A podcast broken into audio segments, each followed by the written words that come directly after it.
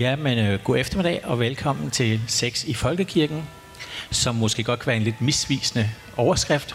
For det vi skal tale om er måske ikke sex fysisk i Folkekirken, men mere sådan skyld, skam og sex og synd og sådan noget. Og til det har jeg inviteret to præster, det vil jeg komme tilbage til. Men først vil jeg gerne sige, at mit navn er Tønde Bønlykke Hertz. Jeg er forperson for Dansk Forening for Klinisk Seksologi. Og det er i den anledning, at vi ligesom har skabt den her, øh, øh, lagt op til den her debat. Min forhistorie er selv, at jeg har kommet i Apostolsk Kirke, været mega religiøs, øh, blevet født og døbt med helligånden og talt i fremmede tungemål og alt det, der hører sig til i den slags sammenhæng. Og dengang vidste jeg jo sådan set godt, at jeg var til mænd. Men jeg fik en kæreste, for det skulle man jo have, altså en pigekæreste. Vi blev sågar også forlovet, men jeg var i den heldige situation, at vi jo ikke måtte have sex før ægteskabet, så på den måde løste jeg det. Øh, men det, der var interessant, var, at jeg på præsten på et tidspunkt kommer og giver mig sådan en, en bog, der hedder To skal man være, eller To må man være. Og det var fordi, han antog, at alle de der veninder, jeg hang ud med i kirken, at det var sådan lidt mit harem. Han havde ikke forstået pointen. Og jeg prøvede faktisk hen ad vejen at fortælle ham, hvordan det hang sammen. Jeg er måske ikke stærk nok til at springe ud, men prøvede sådan at sige, at jeg nok i virkeligheden mere, mere til mænd. Det fangede han ikke helt, men det var der nogle af de andre, der gjorde. Og de gik så i forbøn for mig, for at helbrede mig for min homoseksualitet. Øh, når jeg kigger på mig selv i dag, så kan jeg sige, at det lykkedes i hvert fald ikke. Og det kan jo også godt være, at jeg ikke helt selv var indstillet på det. Men altså, det var lidt min forhistorie. Og så finder jeg ud af, at jeg skal læse øh, seksologi. Nej, før det. Jeg møder jo sådan til dig, før, før jeg læser seksologi, Kim. Øh, vi har kendt hinanden i 22 år. Du beslutter dig for at læse til præst. Det synes jeg var interessant. Og vi har haft mange sådan debatter undervejs, fordi den måde, jeg måske tolkede Bibelen på, dengang jeg var religiøs, er en lidt anden end den, du tolker det på. Så vi har haft mange sådan sjove, finurlige snakke om det med religion og sex. Og Benedikte, der møder jeg senere på mit studie, der jeg skal læse seksologi. Og jeg bliver helt vildt overrasket og tænker, wow, en præst på seksologistudiet. Hvad fanden skal hun der, tænkte jeg. Men som du begyndte at åbne op, så øh, skrev du jo også debatindlæg i Kristi Dagblad og sådan noget. Og så begyndte jeg at finde ud af, at du faktisk var en rigtig god pige med, med de rigtig gode holdninger på rigtig mange områder. Så derfor er det jer to, der er inviteret her i dag, hvor vi skal udfolde lidt af teksten fra Bibelen. Hvad betyder det i dag, og hvad bliver, hvordan bliver Bibelen brugt til i virkeligheden stadig måske at holde os i skak, når det handler om sex. Men vi ikke præsentere jer selv først. Sådan lidt mere, hvad, hvad, hvor I er i dag, og hvad I hedder, hvor I er sorgen og sådan noget. Benedikte, dig først måske. Ja. Jamen, øh, jeg hedder Benedikte Bakkeskov, og jeg er præst i, i øh, Aarhus nu, i Holme. Øh, jeg har været præst i snart 24 år. Øhm, og det er rigtigt, for 10 år siden cirka, der, begyndte, der, der blev jeg skilt. Nej, det, det er nu længere siden. Nå, jeg ved ikke, men det var i hvert fald det, det udsprang af, min interesse for øh, seksologi. Øhm, og der begyndte jeg så at læse seksologi sammen med dig. og øh, min interesse i seksologi, det er simpelthen øh, det her med, hvordan vi er, bliver hele mennesker. Vi er altså skabt med hud og hår og krop og alle hjertets længsler. Og hvordan øh, kan vi være øh, mennesker under himlen, øh, sådan som vi er. Øh, jeg, er også til mænd, men altså, det, det var bare en, en anden ting. Ja. Øh, skal jeg sige mere? Jeg, jeg har også for nylig begyndt som sådan brevkasse, øh, ikke redaktør, men jeg svarer på breve, der kommer til øh, Kristi Dagblad, som særligt omhandler det her seksuelle spørgsmål i forhold til øh, Bibelen. Og det er et meget, meget stort øh, felt, fordi vi ved alle sammen, der står nogle, øh, nogle ting i Bibelen, som vi har meget omkring sex og homosex, men også sex i almindelighed. Altså Bibelen er generelt ikke særlig øh, øh, god til at, at fagne seksualiteten som sådan en, øh, sådan en del af, af menneskets personlighed og udtryksform og væremåde, og sådan som, som vi godt ved i dag, at det er. I Bibelen der er sex noget med at reproducere sig, og derfor handler det selvfølgelig rigtig meget om mand og kvinde. Og jeg hedder Kim Fischer Nielsen. Jeg øh, har været præst siden 2003, øhm, så det giver os snart 17 år. Øhm, Jeg har været præst på Bornholm, så har jeg været præst i, hjælpepræst nede i den danske kirke i Bruxelles, og så har jeg været præst i 12 år ude i Valdensbæk, og nu bedriver jeg, eller slår jeg min folder, hedder det, øhm, i den lille by Uvelse op i Nordsjælland, og så får jeg også tiden til at gå som hospitalspræst på Nordsjællands Hospital i Hillerød. Jeg har altid vidst, at jeg var homoseksuel. Øhm, og jeg fandt også ud af på et tidspunkt, at, øhm, at en teologi kunne være et spændende øh, studie. Jeg var ikke sikker på, at jeg skulle være præst, for der var mange lige i lasten, synes jeg, hos kristendommen og hos kirken, som jeg slet ikke kunne komme overens med. Jeg var ikke opvokset i et særligt religiøst hjem. Øhm, så, så det var ikke fordi, jeg derhjemmefra var blevet påduttet hverken det ene eller det andet. Øhm, kun moralsk, øh, men ikke, ikke kirkeligt. Øhm, så meget af min studietid gik med at finde ud af, hvad er synd egentlig for noget? Er synd så noget med øh, at, at, have sex, eller at have sex med de forkerte, eller øh, have sex uden for ægteskabet, eller hvad er synd for noget? Øhm, det gik også med at finde ud af, hvad, altså, hvad kan man egentlig sige om homoseksualitet? Kan homoseksuelle rummes i, i kirken? Og efterhånden i løbet af studiet, der fik jeg plads, eller der fik, det gik det op for mig, at jamen, det kan godt lade sig gøre, det kan godt lade sig gøre at, at tænke om kristendom, sådan at også jeg kan rummes. Og ja, så blev jeg færdig med studiet, og så blev jeg præst. Og det med søn, det kommer vi tilbage til. Men kunne du ikke fortælle lidt, hvordan er det blevet modtaget i de forskellige kirkesamfund, hvor du har arbejdet? Hvordan har de taget imod dig som homoseksuel præst? Det var meget sjovt. På Bornholm, der blev jeg helt bestemt ansat, fordi jeg var mand. Øhm, jeg tror ikke, de jeg tror ikke, de kunne gennemskue eller genkende, at øh, det nok var en homoseksuel mand, de ansatte, og så havde de måske ikke øh, øh, ansat mig. Det øh, kirkelige miljø på Bornholm er jo øh, noget øh, broget, øh, og, og, og der var en, en, en kvindelig præst i, i det sogn, hvor jeg hørte til, øh, og så ville de gerne have en mand for ligesom at supplere, for at tilfredsstille, kan man sige, det kirkelige brogede miljø. Øhm, det var den pæne version havde de vidst, at jeg var homoseksuel, så havde jeg jo ikke, øh, så havde de ikke kunne du heller. I Bruxelles var det ikke noget issue overhovedet. Øhm, og da jeg søgte i Valdensbæk, der søgte jeg øh, som enlig, og jeg ved efterfølgende af menighedsrådet, da det var, de skulle ansætte mig, havde en snak, og nogen var imod. Øhm, Valdensbæk er jo en ja, pænt konservativ menighed, så derfor så øh, skal man ikke, altså, ja, det, de var konservative på mange måder. Men de var ikke konservative, da de valgte så alle sammen at sige, hvis vi vælger ham, og det vil vi gerne have, så står vi bag ham, uanset om han måtte være til det ene eller det andet. Så der var jeg så. Der, hvor jeg er nu, der havde jeg min, øh, min kæreste med øh, til samtale. Det vil sige, nej, ikke til samtale, til prøveprædikenen. Han var ikke inviteret til samtalen. Så der vidste de det godt. Flot. Og jeg glemte at sige i starten, at hvis man sidder og brænder ind med et spørgsmål undervejs, så rækker man bare hånden op, og så vil vores søde ven derovre komme rundt med en mikrofon. Og det gælder også, man kan også skrive på iPad'en, for dem, der eventuelt sidder og ser derhjemme. Det bliver så også bragt ind i, i, i, teltet. Benedikte, hvordan tog de imod dig, at øh, du begyndte at læse seksologi, og du har jo også skrevet adskillige breve eller læserbreve om for eksempel homoseksualitet i Kristi Dagblad. Hvordan blev det modtaget der, hvor du er? Øh, allerførst må jeg, vil jeg gerne have lov at stå op, fordi jeg bliver simpelthen så søsyg af den her, hvis det er okay. Okay. Jamen, øh, jeg glemte faktisk at sige før, at jeg først var øh, præst i, i 22 år på landet øh, ved Ejer Bagnehøj. Øh, så, så har I placeret det. Det er det højeste sted i Danmark. I Jyllandet, ovenikøbet. Og øh, der var jeg rigtig nervøs, da jeg begyndte at læse seksologi, fordi det var jo landbobefolkning og øh, ældre mennesker, og alle, alle mine fordomme kørte jo op i hvert fald der, selvom jeg kendte dem så udmærket godt og havde været der i 10 år. Øhm, så jeg holdt lidt igen med sådan lige at, at fortælle om det, og det er en treårig uddannelse. og Jeg tror, vi var næsten færdige første år, inden jeg så sagde det til et menighedsrådsmøde. Og jeg kan huske, jeg havde sådan en, hvor jeg tænkte, det skal hun nok klare. Og så var der en, hvor jeg tænkte, gad vide, hvad hun siger til det, fordi hun var altså næsten 80 og, og landbokone og sådan noget.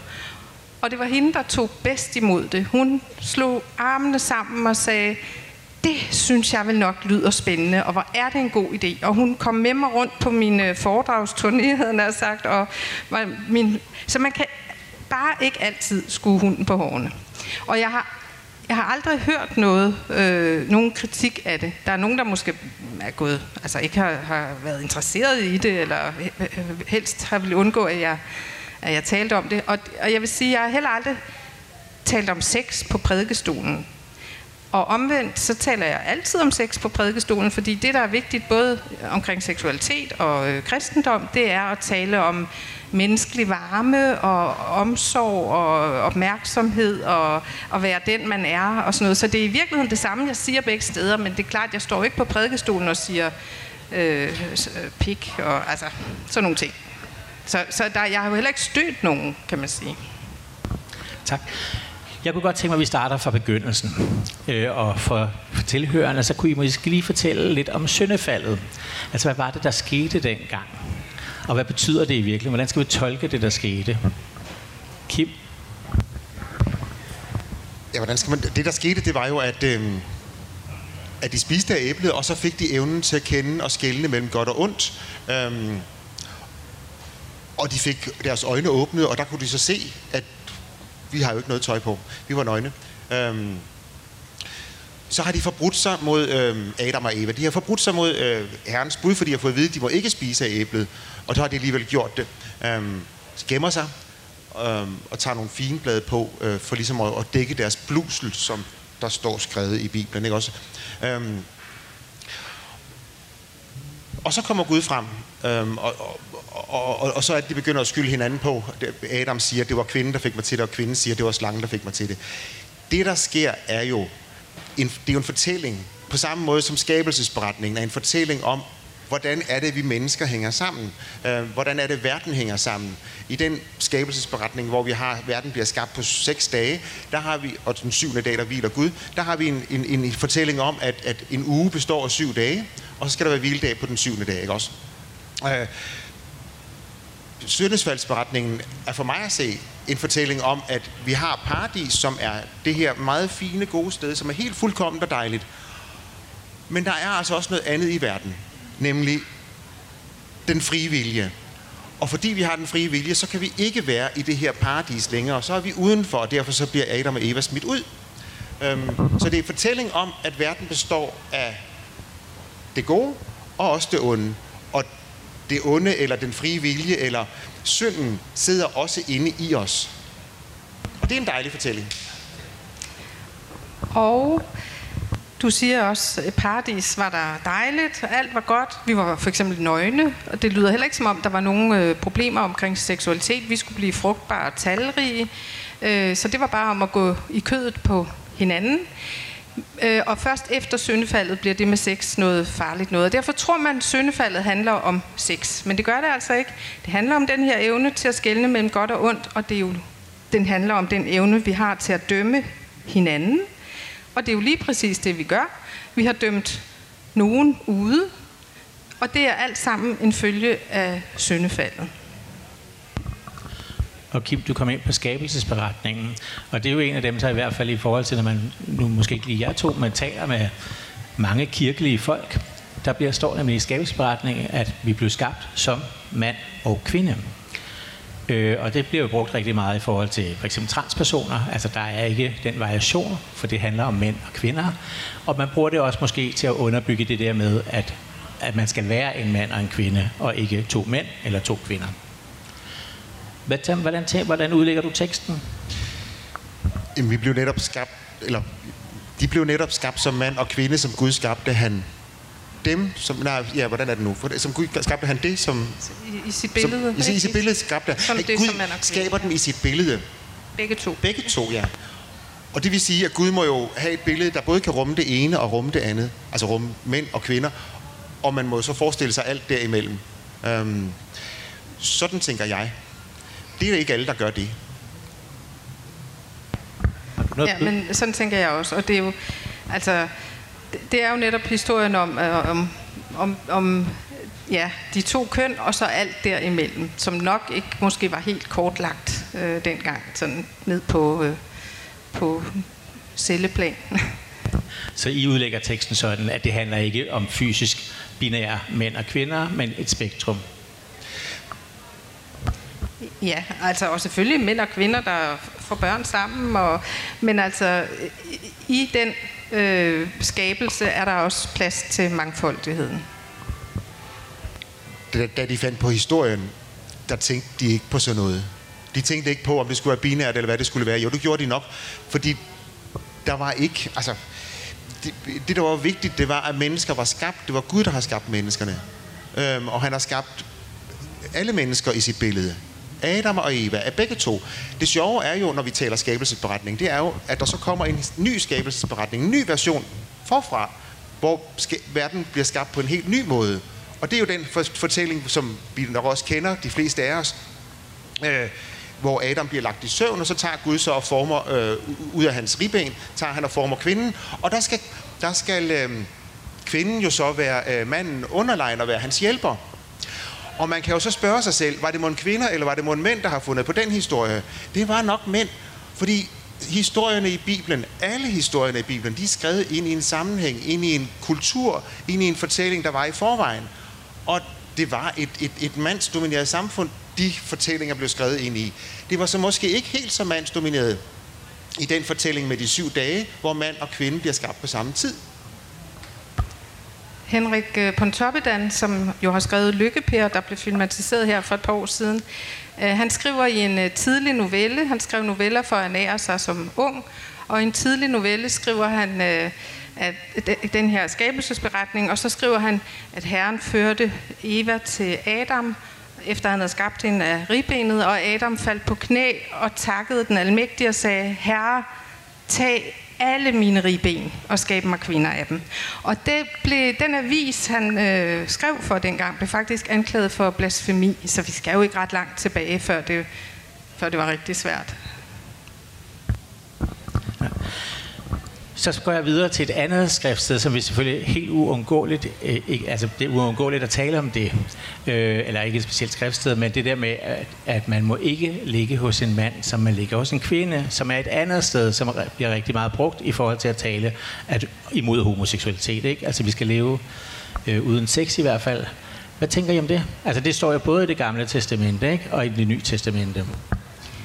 Ja, altså det står jo i det gamle testamente, og i det gamle testamente er det jo rigtig vigtigt, det her med reproduktionen. Det er simpelthen så vigtigt. Det er overskriften over alt liv. Og under den hat, der, der selv blodskam bliver accepteret, hvis det nu er for at få børn. Så det, det er mere for at sige, det er sådan lidt, det er de ret fokuseret på simpelthen, at der skal fødes nogle børn.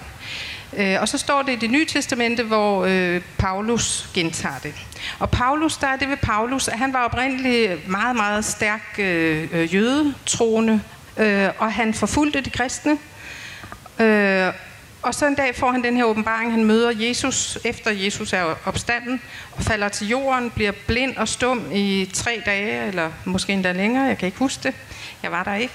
Men, øh, og da han så vågner igen, er han omvendt, han er kristen, han, øh, han skriver jo, øh, han har skrevet de mest utrolige ting. Han har skrevet alt er til, at ikke alt gavner. Han har, altså han har sagt de fineste ting, vi, vi har, men han har også sagt nogle af de værste. Og jeg ved ikke, om man må sige, at han er jo også altså opdraget, jødisk opdraget, og med den, hele den der øh, øh, lovtekst øh, i ryggen. Så altså, øh, ja, vi tolker det. Og vi, øh, vi tolker jo hele Bibelen ud fra kærlighedsbudskabet. Og du sagde, da vi, da vi forberedte os til det her, kunne du ikke lige fortælle lidt mere om det der med Paulus og alle de regler, der var? Fordi det giver måske god mening med alle de regler, der var. Du talte om skalddyr og forskellige andre ting. Og det var vist mig, der gjorde det.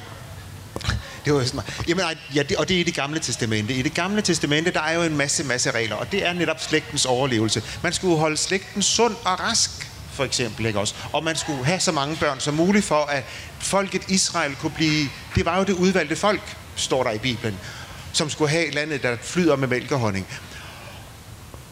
Og for at gøre det, så skal man jo sørge for, at øh, ja, få mange børn helst, ikke også? Og børnene, de døde jo, så man skulle have så mange som muligt, og man skulle helst øh, øh, sørge for, at man var sunde og raske, så hvis man var syg, så blev man stødt ud, så blev man isoleret væk, øh, så blev man anset for uren. Og sådan var tankegangen på det tidspunkt, øh, med det formål, at folket skulle være så mange som muligt. Jesus kommer jo og gør noget andet, og det er det, der er det vigtige. Han kommer og overskrider alle øh, grænserne, i hvert fald det vigtige for mig. Han kommer og overskrider alle de her grænser og siger, hov, hov, hov, alle de der regler der, Det vigtige det er at have tro på Gud og elsk din næste. Elsk Gud af hele dit hjerte, hele dit sjæl, hele dit sind. Og din næste som dig selv. Det er det vigtigste. Og så møder han i øvrigt hvert eneste menneske på sin vej med nye muligheder og med værdighed og ligeværd og respekt. Uanset hvem det er. Kvinder, mænd, børn, alle, alle møder han med velsignelse. Paulus, han skriver også på samme måde som alle de andre fortællinger er skrevet ind i en kultur og ind i en tid. Det gør Paulus også. Han skriver kun sine breve til menigheder, hvor der er problemer. De har, han har været rundt og grundlægge en masse menigheder, og det er et rigtig godt stykke arbejde. Han var en glødende kristen, en af de, nye, en af de første, jo ikke også? Og så øh, har de problemer derude. Og de har problemer med at finde ud af, hvad vil det så sige at være kristen? I forhold til dem, som de lever i blandt. I Korinth for eksempel, blandt alle de andre grækere. I Rom, blandt alle de mange nationaliteter, som der boede i Rom. Og så var det vigtigt at skille sig ud fra de andre. Og hvis de andre, de måske levede lidt løsagtigt, jamen så var det vigtigt, synes Paulus, at holde sin sti ren, og så skulle man helst man skulle helst undgå sex, men hvis man ikke kunne undgå det helt, jamen så kunne man så nøjes med at have det inden for ægteskabet. Ikke?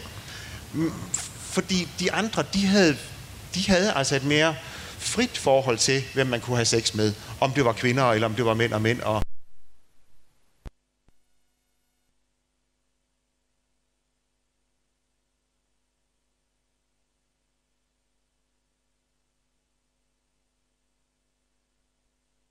stringent, og derfor kan man for eksempel ikke lave kirkelige hvielser af ja. homoseksuelle. Og det sjove er jo så, at de præster, de tager jo enkelte citater og enkelte passager, og så mener de, så skal det være de her passager, der skal tolkes nærmest direkte og kopieres op her 2000 år senere. Det mener jeg ikke går.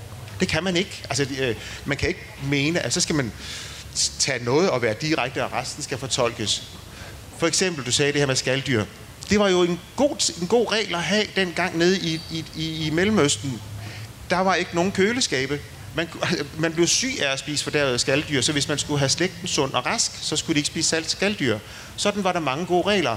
Der er jo ikke nogen, der holder sådan, ja, de ortodoxe jøder gør, men, men, men, men kristne må gerne spise skalddyr, ikke også? Fordi der har Jesus så, tolkes det så, givet dem fri på det punkt, mens på andre punkter, så er man ikke fri. Og så vil jeg gerne tilbage til nutiden igen. Bare lige for at sige, der er jo så stadig præster, og I har fået frit valg til at blive vi homoseksuelle. Og det er sådan en som mig, som sidder udefra og tænker, at jeg betaler jeres løn, I skal med gøre, hvad jeg beder jer om. Vil jo mene, at det skulle simpelthen være gennemtvunget, at alle præster skulle gøre det, og ellers må I søge ud øh, og lave nogle private kirker. Sådan ved jeg, sådan tænker I ikke helt om det. Kunne I ikke prøve at sige lidt begge to om, hvad I tænker om, om det med, at præster selv må vælge? Altså for det første, så bliver præster jo øh, ansat af menigheden, et menighedsråd. Og, og øh, det vil sige, at øh, som regel, så kommer det til at passe meget godt sammen. At de, de menigheder, der ikke bryder sig om øh, hvilser af homoseksuelle, de får måske en præst, de, en af de meget, meget få, der er tilbage, øh, som, som ikke vil vi homoseksuelle. Det jeg næsten, og det jeg synes er vigtigst i det, det er faktisk, at hvis jeg skulle vise og, vi, og, og vidste, at den præst, der videde mig, ikke anerkendte mig øh, og, min, og mit valg af livspartner. Det, det vil jeg meget gerne forskånes for. Så derfor øh, synes jeg, det er, det er udmærket, at, at man kan sige, at jeg er ikke homoseksuel, men det er til gengæld ikke udmærket, at man bare siger det. Så skal man sige, men jeg ved, at min kollega herover gør, eller ring til provsten, og så vil han eller hun finde en, øh, der gør. I stedet for, og det er ikke det, der sker. Det, der sker, er, at, at øh, homoseksuelle par må ringe rundt fra Herodes til Pilatus, hvis de bor i omegnen af Herning, fordi der er måske rigtig mange, der ikke øh, virer homoseksuelle. Og det er ikke i orden. De skal, man skal have hjælp første sted, man henvender sig til, hvordan kommer jeg videre i det her.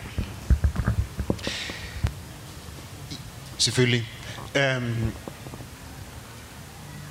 hvordan har jeg det med de præster, der ikke gør det? Jeg synes, de tager fejl, altså, øhm, og jeg kan slet ikke forstå deres fortolkning af Bibelen. Jeg fatter den ikke, og jeg kan heller ikke forstå, at der er nogen, der har lyst til at blive gift af den.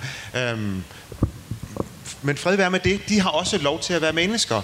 Øhm, jeg tror, at min fortolkning af Bibelen og troen er, øhm, er, er mere rigtig. Øhm, jeg kan jo ikke vide det. Øh, det får, det får øh, komme for en sag den dag, jeg dør, når jeg står ansigt til ansigt med vor herre. Men jeg tror, at min version er den mere rigtige. Men, og, og, ja, for troen er altid i bevægelse. Og det, der gør, at den er i bevægelse, det er jo den samme, altså, øh, øh, det er jo det, der har gjort, at jeg kan få lov til at være her i dag som præst, og, og også være homoseksuel, og, og vi kan have en, en, en rummelig kirke, hvor der faktisk er plads til alle. Øhm, ikke fordømmende. Der er så også plads til de andre, og det er jo fordi, vi er så rummelige.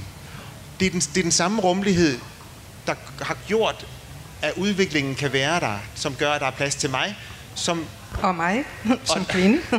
Ja, og, og, og, og, og, og kvindelige præster. Det er den rummelighed, som gør, at vi kan være der, som også gør, at de skal have lov til at være der.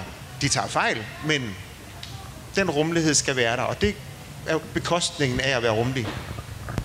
Jamen lige præcis. Det der med, at der er jo også præster, som stadigvæk... Jeg bliver lige forstyrret et spørgsmål, for jeg ved. Kom med det.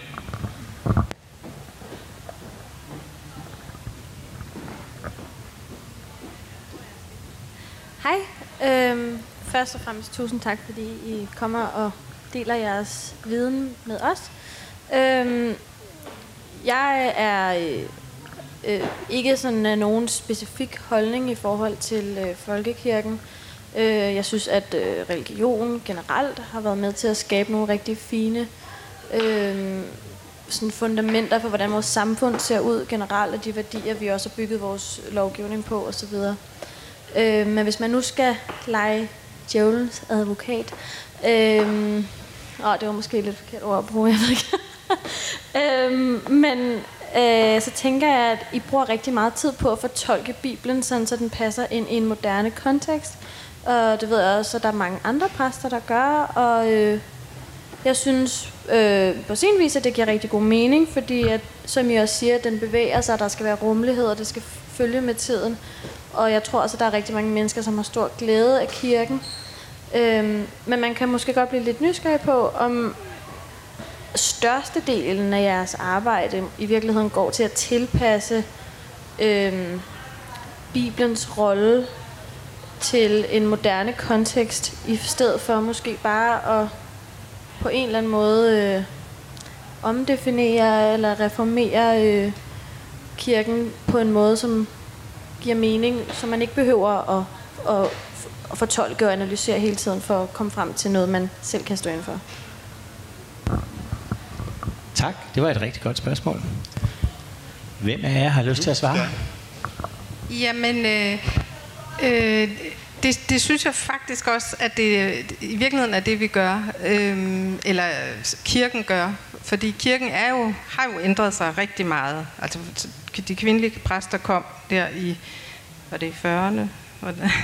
øh, og, og, og der øh, øh hvilelse af homoseksuelle kom også. Øh, altså vi har jo, vi, kirken har ændret sig rigtig meget. Øh, og at vi så står tilbage med, øh, med de her tekststeder, der stikker ud, skriftsteder, der stikker ud, og som vi så bruger lidt energi på at tolke, øh, det hænger jo selvfølgelig sammen med, at det er ikke så enkelt, fordi der er stadig nogen, også i Danmark, som tror på Bibelens bogstav, og ikke på dens ord.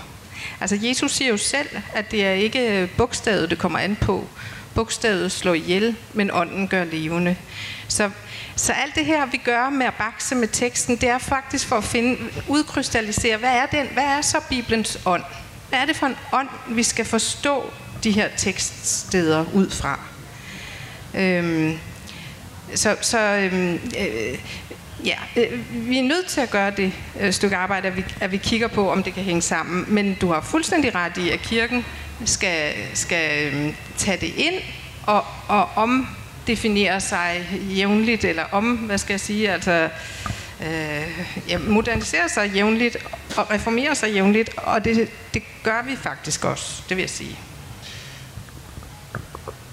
Og det skal man gøre, og indimellem i sådan en proces, øh, hvor man omdefinerer sig og finder på nyt, og hvordan, hvordan kan kristendommen tale til os i dag? Øhm, sådan som man alle dage har spekuleret på, hvad kan, hvordan kan kristendommen tale til os i dag? Hvad, hvad siger lignelserne? Hvad betyder de? Hvad betyder de forskellige fortællinger? Hvad kan det fortælle os? Hvad kan det berige os med? Eller måske i rette sætte os med? I det arbejde, så vil der også nogle gange være noget, hvor at det stikker lidt for meget af i en retning, øh, og andre gange stikker det så for meget af i en anden retning. Måske går det lidt for træt, og andre gange går det lidt for hurtigt. Sådan vil det være i en proces, hvor det bevæger sig, men, men, men det vil alt, altså jeg synes, Jesus mødte altid, altid nye mennesker over det hele, hvor han kom hen. Og på et tidspunkt, så kommer han ud til Samaria. Der er en kvinde, der beder om hans hjælp. Så siger han til kvinden, nej, nej, nej. Jeg er slet ikke kommet for at hjælpe samaritanerne. Dem kunne de ikke lide, når de var jøder. Det var jo et af nabofolkene. Dem skulle de slet ikke have noget med at gøre. Og hun siger, jamen jo, hjælp mig alligevel. Giv mig lidt af de smuler, som falder fra, øh, fra bordet. Selv hundene spiser af smulerne. Og så bliver han bevæget til også at hjælpe hende. Så selv Jesus blev bevæget, for han var hele tiden i bevægelsen. Det mener jeg er kristendommens essens, så derfor så skal vi sådan set bevæge os med tiden. Men det var et super godt spørgsmål. Og fik du svar?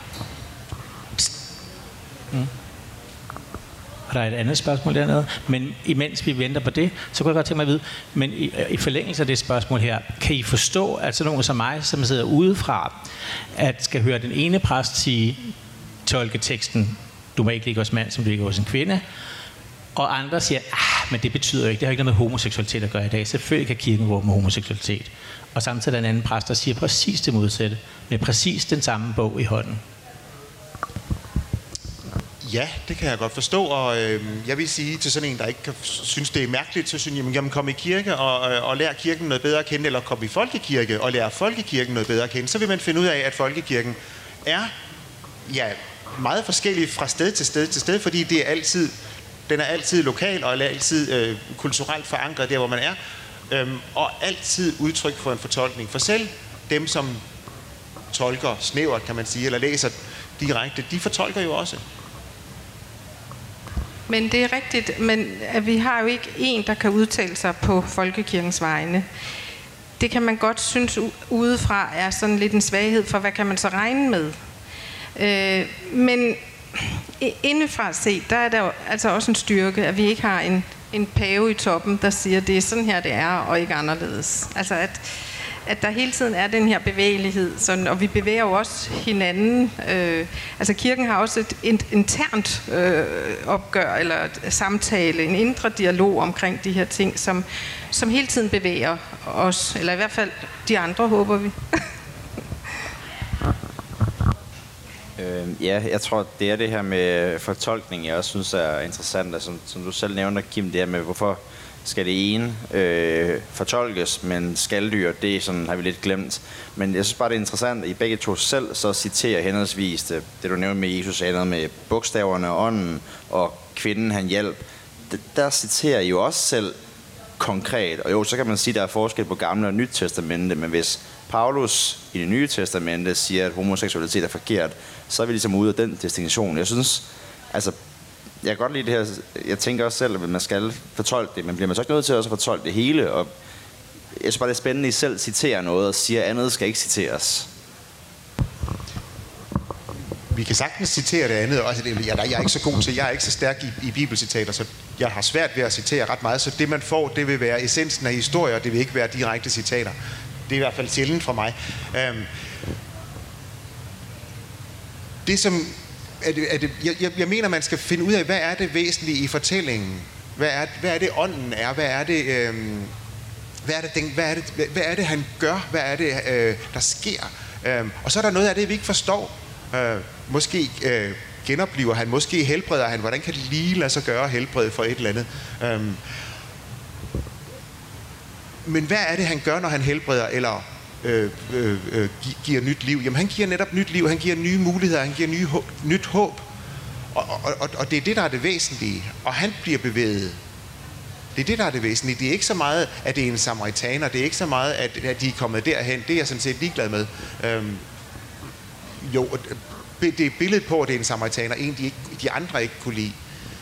Så jeg mener også, at sådan en fortælling skal fortolkes. Det er vi nødt til at gøre. Vi kan jo heller ikke... Altså, går han på vandet på et eller andet tidspunkt? Altså, øh, hmm. men for mig er det ikke væsentligt.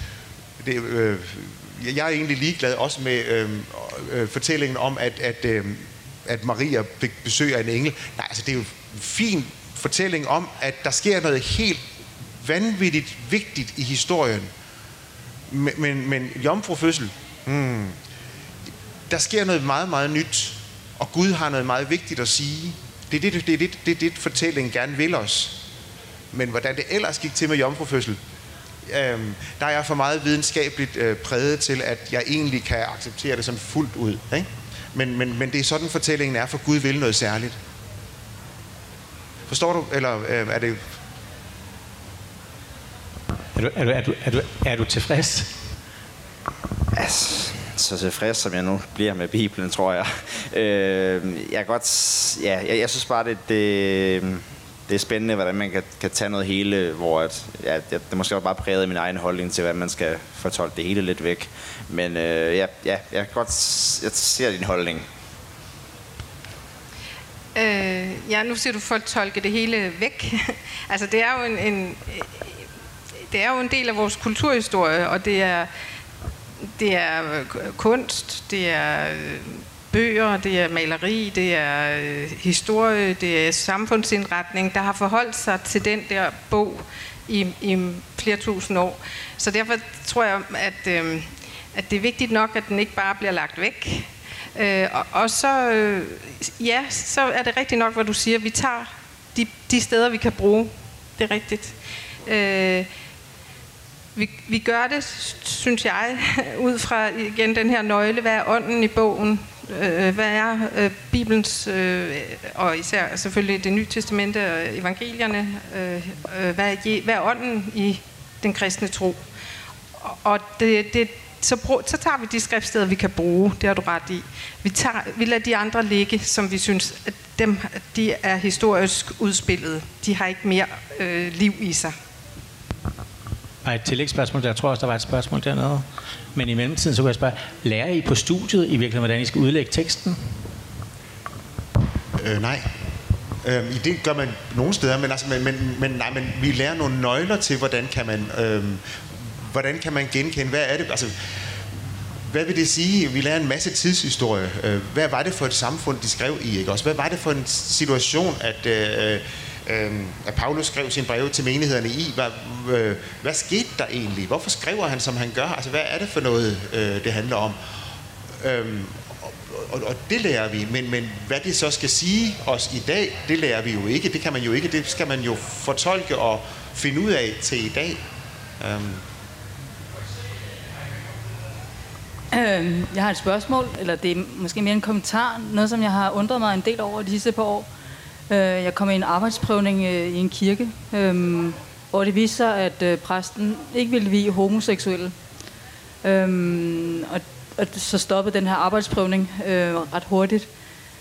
Og der savnede jeg, og det kunne jeg også forstå, at de konfirmander, der havde den her præst, også havde savnet en eller anden åbenhed fra, fra de præsters side om, at de faktisk ikke er interesseret i at vi homoseksuelle. Der kunne jeg godt bruge, at der var et regnbueflag ude foran kirken, hvor der står telefonnummer og alt muligt andet til præsterne, så offentligheden kan se, om det her det er en homovenlig præst eller ej. Fordi det kan være utroligt smertefuldt og stressende at skulle igennem de her faktisk meget ydmygende og diskriminerende oplevelser, hvor præsterne har skjult dagsorden, og man først får det at vide meget sent. Og ikke nogen, præst, eller der er ikke nogen homoseksuel, der gerne vil vise af, af, af, af præster, som ikke øh, vil vi homoseksuelle. Det er jo noget, man finder ud af alt for sent. Ja. Jamen, du har fuldstændig ret. Du har fuldstændig ret. Altså, det, det burde man der være mere øh, øh, ja, vide, synlighed omkring. Øh, med rent flag, så. Øhm, vi har det jo med, at vi ved det om hinanden, så derfor så, vi kan jo se det, og vi ved det i hvilke sovne, nå, jamen der de jo har været mærkelige altid, eller meget konservative, eller meget... Øh, øh, så vi ved det, men du, det er jo, du, man kommer som sagsløs øh, borger, og man skal lige flyttet til, at man ved det jo ikke. Og man kan jo, som du siger, man kan jo egentlig godt have været i kirke der mange gange og tænke, det er da en meget rar præst. Og så lige pludselig, så får man at vide, men dig vil jeg bare ikke øh, vi. Ikke? Altså, det, kan, det, må, det, det må være meget ubehageligt. Øh, jeg har svært ved at se, at der ligefrem står udenpå, vi er ikke homoseksuelle. Øh, men i hvert fald den her service med, at vi skal sende videre og sige, jeg er ked af det, jeg har den begrænsning, jeg, jeg kan ikke rigtig få det til at passe i mit øh, meget lille verdensbillede, men jeg ved, jeg har en dygtig kollega herover, der ser anderledes på det. Jeg, jeg mener også, det, må, altså det er meget trist at ende som konfirmand for eksempel sådan et sted, uden at man, øh, ja, uden at man kan gøre for det, ikke også? Øh, Folkekirken har ikke skulle deklarere sig selv særlig meget. Øhm, så meget, som jeg egentlig synes, man burde gøre. Øhm, derfor har jeg i min lille kirke, på min lille hjemmeside, gjort noget for at skrive, når det handler om bryllupper, at hos, altså hos mig, der bliver altså der er man velkommen, om man så øh, er fraskilt, eller øh, homoseksuelle, eller hvem, hvem der, alle er velkomne. Det skriver jeg som en, man kan sige, en slags disclaimer. Øhm, alle er velkomne. Og det kunne man jo godt ønske sig, øhm, at man gjorde andre steder også bekendt kulør, så det var til at forstå. Uh, men jeg synes, det var en udmærket idé at, at stille et homosflag ud for, et regnbueflag ud for sådan en kirke. Som en slags uh, opfordring til åbenhed eller rummelighed. Og i tillæg til det, så er det jo også, at der er også, der er også masser af præster, som ikke vil vige folk, hvis de er fraskilte. Bare tage som en anekdote. Der var et tillægsspørgsmål hernede. Øh, ja, men det var i forhold til det her med, at det var ikke så meget bogstavet, det var, det var ordet, og det var ånden, der ligesom blev givet videre. Så tænker jeg, ånden i Bibelen er vel i virkeligheden også en fortolkning.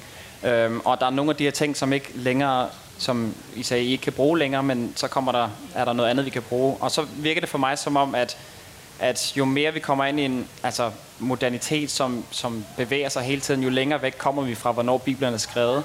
Øh, og at vi så ender ud i sådan en, en fortolkning af, at, at Bibelen ender med at være de der klat, øh, blækklatbilleder, man får hos, hos psykologen, hvor det er sådan, hvad ser du-agtigt.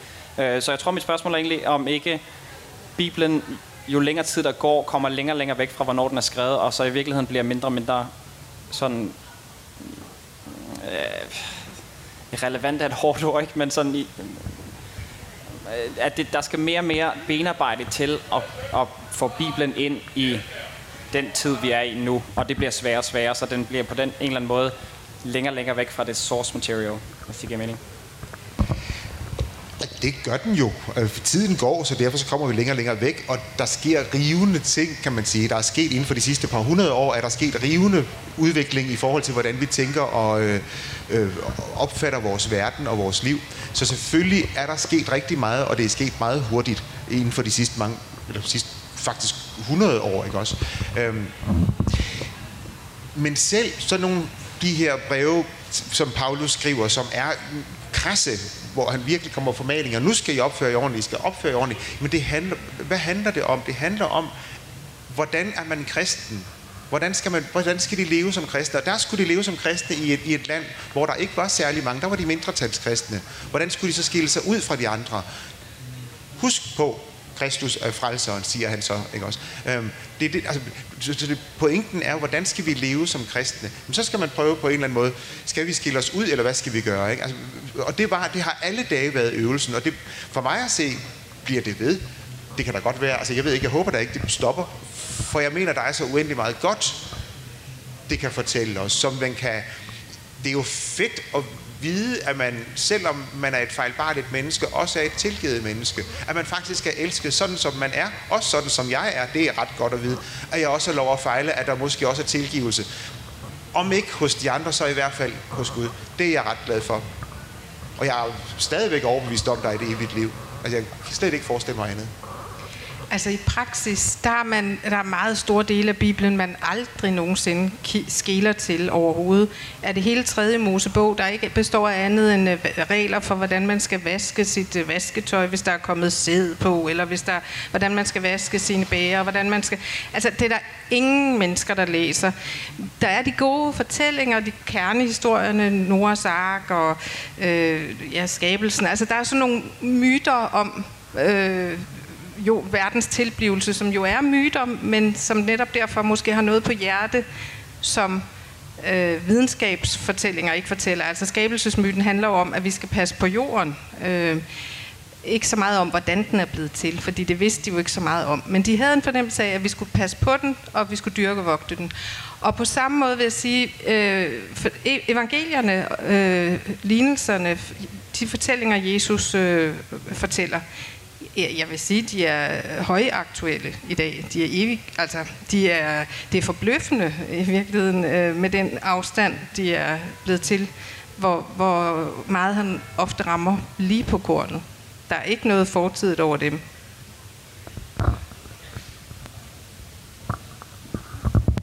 Ja, øh, så er det mig igen. Øh, virker den? Ja.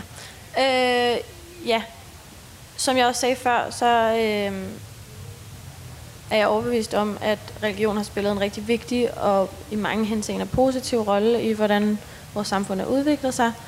Øh, jeg er lidt sådan nysgerrig og kritisk på nogle områder, det håber jeg også er okay, og også tak fordi, at I øh, er så modtagelige for vores øh, spørgsmål omkring det. Øh, nu har jeg bare stusset over, at I bruger ordet vor herre øh, nogle gange, og du startede oplægget med at sige, at Bibelen er skrevet ud fra et patriarkalsk synspunkt. Øhm, så, så min spørgsmål er i virkeligheden, om I er overbevist om, at Gud er en mand. det er jeg overbevist om, Gud ikke er. Øh, men det er en måde at tale om Gud på, som er nem. Øhm, og, og, og ja, det er blevet til i et patriarkalt samfund. øhm, og, og en tænkemåde, og derfor så er det blevet til vor Herre, og Jesus siger, at man kan tale om Gud som, som en far, og vi har fader hvor. På den måde bliver det til en mand. Der er også, man kan jo ikke have kun en mand, altså Gud skaber øh, mand og kvinde i sit billede, øh, og så er Gud kun en mand. Altså det, øh, det, det at gøre med Gud til et menneske, øh, en person, er en måde at tænke om Gud på, men det slår slet ikke til, når man i, i mit billede af Gud. Øh, Gud er mere som en, en, en, en, en kraft, eller en magt, eller en... Åh, da jeg var yngre, så forestillede man en kæmpe stor computer, som styrede det hele. Øhm, det slår ikke helt til i forhold til menneskenes øh, frie vilje, vel? Men, men, men, men så forestiller man også en kæmpe stor styresystem, øhm, som var det, der havde sat det hele i gang. Og sådan, sådan en, ja, forestillede mig. En af de meget kloge ting, der står i det gamle testamente, det er, at du må ikke gøre dig noget billede af Herren din Gud. Okay. Men altså, du må ikke gøre dig noget billede. Og visdom i det, og det, det kan vi øh, have det svært med, når vi synes, at øh, øh, så, så går det så ud på, at de må ikke lave gudbilleder, og så river de dem ned. Og, men det, der er visdom i det, det er, at du må ikke låse Gud fast i et bestemt billede, som er, som du ser ham. Fordi det kan være, at Tony sidder og ser Gud moder på en helt anden måde. Og det er, det er bare en anden side øh, af Gud, han ser. Det er også visdom i, at vi har en treenig Gud. Det vil sige, man kan aldrig tage, tage Gud og sige, det er sådan her Gud er. Fordi så vil det altid vise sig, at, der, at Gud også øh, er, er ånd, eller Gud er også øh, menneske.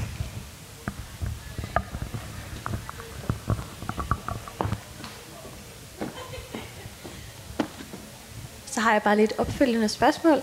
Øhm, øh, det giver god mening, det I siger, og tak for det. Øhm, og øh, det giver jeg kan godt forstå det her med, at man ikke ser Gud som et menneske eller en person, men vil ikke mene, at ved at omtale Gud som han og ham, er med til at reproducere nogle ret uhensigtsmæssige øh, tendenser i sådan kønsopdeling og øh, ligestilling og feminisme og sådan noget? Jo, oplagt. oplagt. Øh, og det... Øh, Ja, altså jeg, jeg kommer nok aldrig rigtigt til at sige Gud moder, men, men noget af det, der er interessant, det er, at, øh, at Jesus jo, som du også sagde før, øh, også talte med kvinder og børn. Og det har vi bare vendet os til. Ja, selvfølgelig gør han det, men det var bare ikke særlig almindeligt. Øh, jødedommen er kun øh, for mænd, ikke? altså den alvorlige del af det. Øh, det, der foregår i, i synagogen og omkring det hellige. Øh, Øhm, og og det har det jo så i høj grad også været i et par tusind år øh, i den kristne kirke, men måske ikke med Jesu gode vilje. Altså måske blev, øh, måske blev kristendommen overtaget af det her patriarkalske samfund, der eksisterede, men i virkeligheden henvendte Jesus sig lige så meget til kvinder, børn, som til mænd. Øh, og det er det, der også gør, at kristendommen er helt anderledes end, end jødedommen, for eksempel, eller øh, islam. Og jeg vil da gerne lige tilføje, at jo, altså, jo, det er der med til at fastholde på sin vis, ikke også? Men det kommer jo an på, hvad man så bruger det til. Hvis man bruger det til at fastholde og slå i hovedet over, at jamen, det er manden, der er den stærkeste, eller det er øh, herren, der er den stærkeste, altså, og, og dermed øh, holde andre nede med. Men sådan, i min verden, kan kristendommen ikke være. Der er vi lige, uanset hvad. Og så er den første fortælling, allerførste fortælling, i, i Guds billede skabte han dem, som mand og kvinde skabte han dem. Skabte, I Guds billede skabte han det, altså mennesket, som mand og kvinde skabte han dem. Den er vigtig, fordi det er et ret bredt Guds, gudsbillede, man får der, som jeg får der. Og, og må jeg ikke også tilføje igen, øh, tak fordi du siger det, fordi vi skal hele tiden, øh, vi, vi taler jo bare sådan af gammel vane også, ikke? og nå, jamen, det, er bare, det hedder bare Gud Herren i alle historierne, men det er altid godt at tænke, okay, hvad hvis der stod Gud Moderen, hvad hvis der stod Moder vor, hvad hvis der stod, det er der altid nogle sjove eksperimenter at gøre, altså, hvad, kommer der så nogle helt andre tydninger, og kommer der noget helt andet ud af det, hvis man gør det? Tak så øh, springer jeg lige til noget helt andet. Øh, vi skal tale lidt skam. Og sådan noget, det er meget, altså AIDS-fondet har et, et slogan, der hedder ingen skam i livet. Men Bibelen er jo fyldt med synd og skam. Kunne I ikke lige sådan sige lidt om, om skambegrebet? Hvad I tænker om det? Altså det er jo, øh, nu hørte jeg lige på vej hertil, at, øh, at øh, igen, at skam øh, er, voldsomt udbredt, og især jo blandt unge, som øh, det har så handlet om, at, at, at, at, at, at unge skolebørn har, egentlig har været lettet over at ikke skulle i skole, for så skulle man ikke hen og, og, og, og øh, præstere en hel masse for at ikke at skulle skamme sig faktisk. Øhm, og vi havde den norske serie Skam, og der, Skam har været rigtig meget oppe, og Skam er jo blevet den nærmest det et moderne ord for ikke at være tilstrækkelig, og så skammer vi os. Det har vi gjort alle dage. Øhm, det er bare blevet meget mere det ord, vi bruger, i stedet for øh, kirkens ord synd, øhm, som jo er et støde ord, men som jeg synes sådan set er pragtfuldt, fordi det handler jo om, at, at vi ikke gør noget, og vi er noget indimellem, gør noget, som ikke er hensigtsmæssigt. Øh, øh, og, øh, men det gør vi, fordi sådan er vi når vi så gør noget, som ikke er hensigtsmæssigt, øh, øh, eller er på en måde, som øh, man fortryder, jamen så kan man så skamme sig bagefter. Øhm, det fede er jo, at der er mulighed for tilgivelse. En af dem, der er sværest at tilgive, det er jo en, tilgive, det er en selv. Øhm, så kom i kirke, hvis du skammer dig. Altså noget af det, der... Øh, skam hænger jo rigtig meget igen sammen med at dømme og, og dømme hinanden, dømme sig selv, øh, dømme andre. Og, og det er jo en del af syndefaldet, det her med, at vi kan, vi kan dømme, hvad der er rigtigt og hvad der er forkert. Øh, og øh, som du også siger, altså det er det, det, det er ikke, jeg, jeg ser ikke nogen steder egentlig direkte i Bibelen, hvor der står, øh, og så skal de skamme sig. Altså, men, men det bliver tit, øh, øh, hvad skal jeg sige, det bliver tit frugten af at måske at, at beskæftige sig med, eller at komme i kirke, øh, at, at så går man derfra med bøjet hoved og skam. Og øh, jeg må, ja, jeg må bare sige, det, jeg tror ikke, det er meningen. Altså, vi, det, det, vi egentlig skal forkynde og formidle i Bibelen eller i kirken, det er, at vi er skabt i Guds billede. Og, og det er vi uanset, om vi er, har skæve tænder, eller er tykke, eller tynde, eller høje, eller grimme, eller øh, hvordan vi nu engang er, så er vi alle sammen skabt i Guds billede, og det er der altså ikke noget at skamme sig over.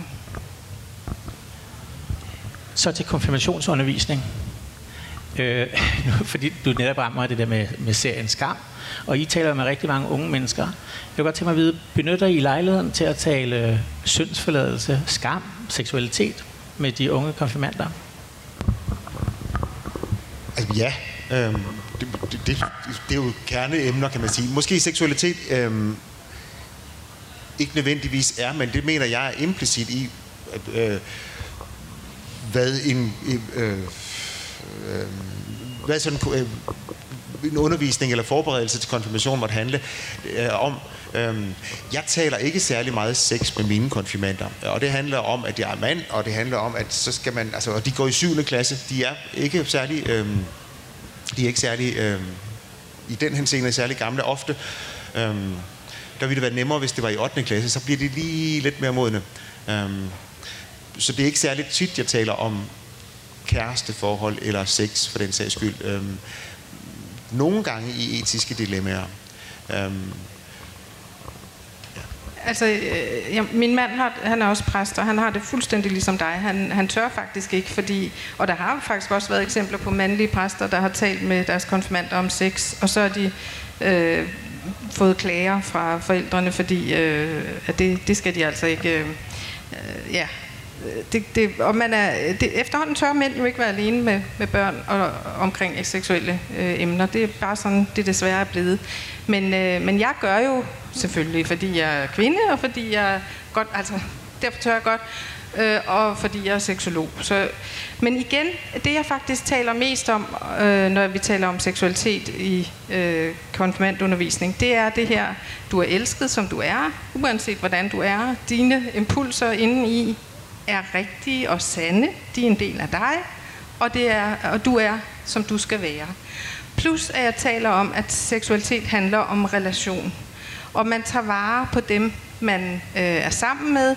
Man kan godt være sammen med forskellige. Det, at man er sammen øh, med en nu betyder ikke, at man skal giftes. Men man skal altid være ordentlig over for dem, man er sammen med. Og, og det synes jeg egentlig, vi har nogle rigtig gode øh, samtaler om i konfirmandstuen. Selvom de fniser lidt jo. Og det bringer mig hen til sex før ægteskabet. Øhm, fordi der står, et af de 10 bud, der står, at man må ikke bedrive hår. Så jeg vil godt tænke mig lige først eh, få en hurtig tolkning på, hvordan I tolker ordet hår. Altså, hvad, hvad skal vi ligge i, at man ikke må bedrive hår? Nogen kunne tolke, at det var sex for ægteskabet, for eksempel. Ikke? Men jeg vil gerne have jeres holdning til det, altså til, til analysen af ordet først. Og det er der jo mange, der gør, øh, at, at det handler om, altså hår, det handler om at have sex for ægteskab. Det tror jeg ikke, det gør. Øhm, det handler om på en eller anden måde at, at opføre sig forkert i forhold til at, at have sex, tænker jeg. Øhm, jeg tænker, det handler om, hvis man har nogle aftaler med nogle andre, at man så bryder de aftaler. Øhm, på samme måde, som man må ikke bryde et ægteskab. Øhm, så skal man ikke bryde de aftaler, man har. Men hvilke aftaler man har, det handler jo om de to mennesker, eller tre eller fem, der har lavet nogle aftaler. Det handler jo ikke om øh, øh, de aftaler, som andre synes, man skal have. Det handler om de aftaler, som de mennesker, der har indgået aftalen, har gjort. Der mener jeg, at håret må være der. Hensynsløshed måske. Ja. Ja, altså jeg, jeg har aldrig nogensinde opfattet hår som sex før ægteskab. Øhm, jeg synes, sex for ægteskab er øh, tilrådeligt. En virkelig, virkelig god idé. Øh, fordi man skal jo ikke købe katten i sækken. Altså, det er jo en del af... Øh, jamen, det, det er jo en del af... Så sex er jo en kommunikationsform. Og man kan bare kommunikere rigtig dårligt sammen seksuelt, og så er det en dårlig idé at gifte sig. Øh, med mindre man så aftaler, okay, vi passer godt nok sammen som øh, fod i handske, så måske er vi et rigtig godt par, fordi så, så har vi ikke, øh, så kan vi gå andre steder hen med det, hvis det altså med, altså, man kan godt være gift selvfølgelig, uden at have sex også jo, ikke? hvis det er det, man aftaler. Men hvis man har en forestilling om, at vi skal have et, øh, et blomstrende sexliv, og så finder ud af på bryllupsnatten, det skal vi bare ikke, fordi vi, det, det, det, vi er ikke kompatible. Altså, og sådan er det jo med nogle mennesker, øh, at man ikke er. Øh, så derfor så synes jeg, at det, det skal man... Og man i øvrigt, altså sex er, som jeg så siger, et sprog, og det skal man jo øve sig på. Og, og man, man, det er jo ikke noget, man pludselig kan øh, på bryllupsnatten. Jeg har talt med forskellige par, fordi jeg nu er præst og seksolog, så kommer de til mig, dem som... Øh, ikke altså er blevet opdraget med, at de må ikke have sex før ægteskabet. Så det vil sige, at de har først sex på bryllupsnatten. Og så øh, har jeg talt med par, som i fem år har forsøgt at gennemføre et samleje, og det kan ikke lade sig gøre, fordi der er så meget skyld og skam forbundet med det. Øhm, og fordi man, øh, altså det er en by i Rusland, man skal, det seksuelle sprog er, er et sprog, man skal øve sig i, ligesom man skal øve sig på at tale engelsk. Øh, man skal forfine det. Man kan øve sig med sig selv, og man kan øve sig med hinanden. Øh, men det er jo ikke noget, der kommer fra det ene øjeblik til det andet. Det er noget, man skal være vågen og opmærksom på og øve sig i. Så vil jeg gerne sige tak, fordi I ville stille op til den her snak. Øh, happy Pride. Tak fordi I kom. Happy Pride.